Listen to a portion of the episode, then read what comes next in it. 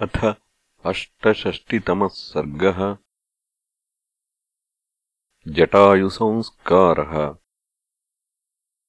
रामः सम्प्रेक्ष्य तम् गृध्रम् भुवि रौद्रेण पातितम् सौमित्रिम् मित्रसम्पन्नम् इदम् वचनमब्रवीत्।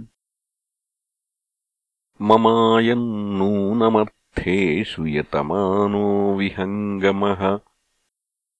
राक्षसेन हतः सङ्ख्ये प्राणान्त्यक्ष्यति दुस्त्यजान्। अयमस्य शरीरेऽस्मिन् प्राणो लक्ष्मण विद्यते। तथा हि स्वरहीनोऽयम् विक्लबः समुदीक्ष्यते जटायो यदि शक्नोषि वाक्यम् व्याहरितुम् पुनः। सीताम् आख्याहि भद्रन्ते वधम् आख्याहि चात्मनः। किम् निमित्तो हरत्सीताम् रावणस्तस्य किम् मया अपराधम् तु यम् दृष्ट्वा रावणेन हृता प्रिया। कथम् तच्चन्द्रसङ्काशम् मुखमासीन्मनोहरम् सीतया कानि चोक्तानि तस्मिन् काले द्विजोत्तम। कथम् वीर्यः कथम् रूपः किम् कर्मा स च राक्षसः? क्व चास्य भवनम् तात ब्रूहि मे परिपृच्छतः। तमुद्वीक्ष्याथ दीनात्मा विलपन्तम् अनन्तरम् वाचातिसन्नया रामम् जटायुरिदमब्रवीत् हृता सा राक्षसेन्द्रेण रावणेन विहाय सा मायाम् आस्थाय विपुलाम् वातदुर्दिनसङ्कुलाम्। परिश्रान्तस्य मे तात पक्षौ छित्त्वा स राक्षसः सीताम् आदाय वैदेहीम् प्रयातो दक्षिणान् दिशम्। उपरुध्यन्ति मे प्राणादृष्टिर्भ्रमति राघव पश्यामि वृक्षान् सौवर्णान् उशीरकृतमूर्धजान् येन यातो मुहूर्तेन सीताम् आदाय रावणः। विप्रनष्टम् धनम् क्षिप्रम् तत्स्वामी प्रतिपद्यते।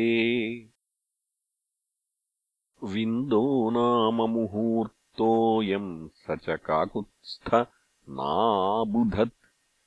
त्वत्प्रियायाम् जानकीम् रावणो राक्षसेश्वरः झषवद्बडिशम् गृह्य क्षिप्रमेव विनश्यति। न च त्वया व्यथा कार्या जनकस्य सुताम् प्रति वैदेह्यारंस्यसे क्षिप्रम् हत्वा तम् राक्षसम् रणे। असम्मूढस्य गृध्रस्य रामम् प्रत्यनुभाषतः। शुस्रावरुधिरम् म्रियमाणस्य सामिशम् पुत्रो विश्रवसः साक्षात् भ्राता वैश्रवणस्य च इत्युक्त्वा दुर्लभान् प्राणान् मुमोच पतगेश्वरः ब्रूहि ब्रूहीति रामस्य ब्रुवाणस्य कृताञ्जलेः। त्यक्त्वा शरीरम् गृध्रस्य जग्मुः प्राणाविहायसम् स निक्षिप्य शिरो भूमौ प्रसार्य चरणौ तदा विक्षिप्य च शरीरम् स्वम् पपातधरणीतले। तम् गृध्रम् प्रेक्ष्य ताम्राक्षम् गतासुम् अचलोपमम् रामः सुबहुभिर्दुःखैः दीनः सौमित्रिमब्रवीत्। बहूनि रक्षसाम् वासे वर्षाणि वसता सुखम्। अनेन दण्डकारण्ये विशीर्णम् इह पक्षिणा। अनेकवार्षिको यस्तु चिरकालसमुत्थितः सोऽयमद्य हतः शेते कालो हि दुरतिक्रमः। पश्य लक्ष्मण वृद्धोऽयम् उपकारी हतश्च मे।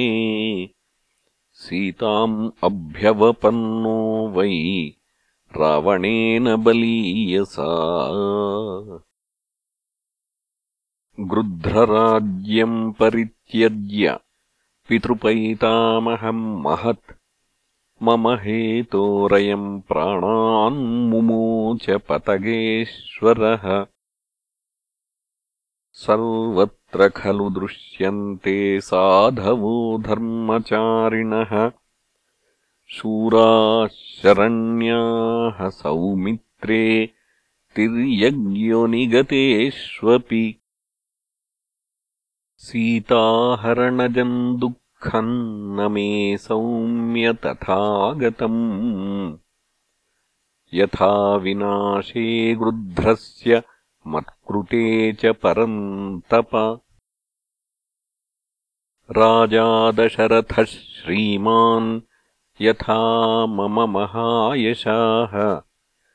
पूजनीयश्च मान्यश्च तथायम् पतगेश्वरः। सौमित्रे हरकाष्ठानि निर्मथिष्यामि पावकम् गृध्रराजम् दिधक्षामि मत्कृते निधनम् गतम्। नाथम् पतगलोकस्य चितामारोप्यराघव इमम् धक्ष्यामि सौमित्रे हतम् रौद्रेण रक्षसा। या गतिर्यज्ञशीलानाम् आहिताग्नेश्च या गतिः अपरावर्तिनाम् या च या च भूमिप्रदायिनाम्। मया त्वम् समनुज्ञातो गच्छ लोकाननुत्तमान् गृध्रराज महासत्त्व संस्कृतश्च मया व्रज। एवमुक्त्वा चिताम् दीप्ताम् आरोप्यपतगेश्वरम् ददाहरामो धर्मात्मा स्वबन्धुमिव दुःखितः। रामोऽथ सहसौमित्रिः वनम् गत्वा सवीर्यवान्। स्थूलान् हत्वा महारोहीन्। अनुतस्तारतम् द्विजम्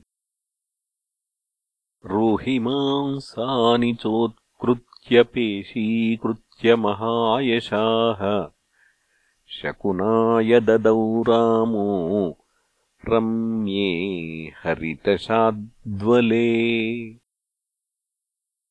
यत्तत्प्रेतस्य यस्य कथयन्ति द्विजातयः तत्स्वर्गगमनम् तस्य पित्रा श्रियम् रामो जजापः।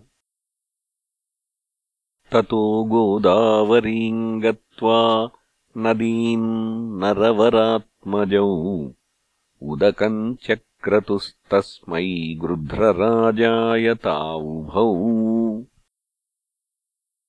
शास्त्रदुष्टेन विधिना जले गृध्राय राघवौ। स्नात्वा तौ गृध्रराजाय उदकम् चक्रतुस्तदा स गृध्रराजः कृतवान् यशस्करम् सुदुष्करम् कर्मरणे निपातितः महर्षिकल्पेन च संस्कृतस्तदा जगामपुण्याम् गतिमात्मनः शुभाम्। कृतोदकौ तावपि पक्षिसत्तमे स्थिराम् च बुद्धिम् प्रणिधाय जग्मतुः प्रवेश्य सीताधिगमे ततो मनो वनम् सुरेन्द्राविव विष्णुवासवौ।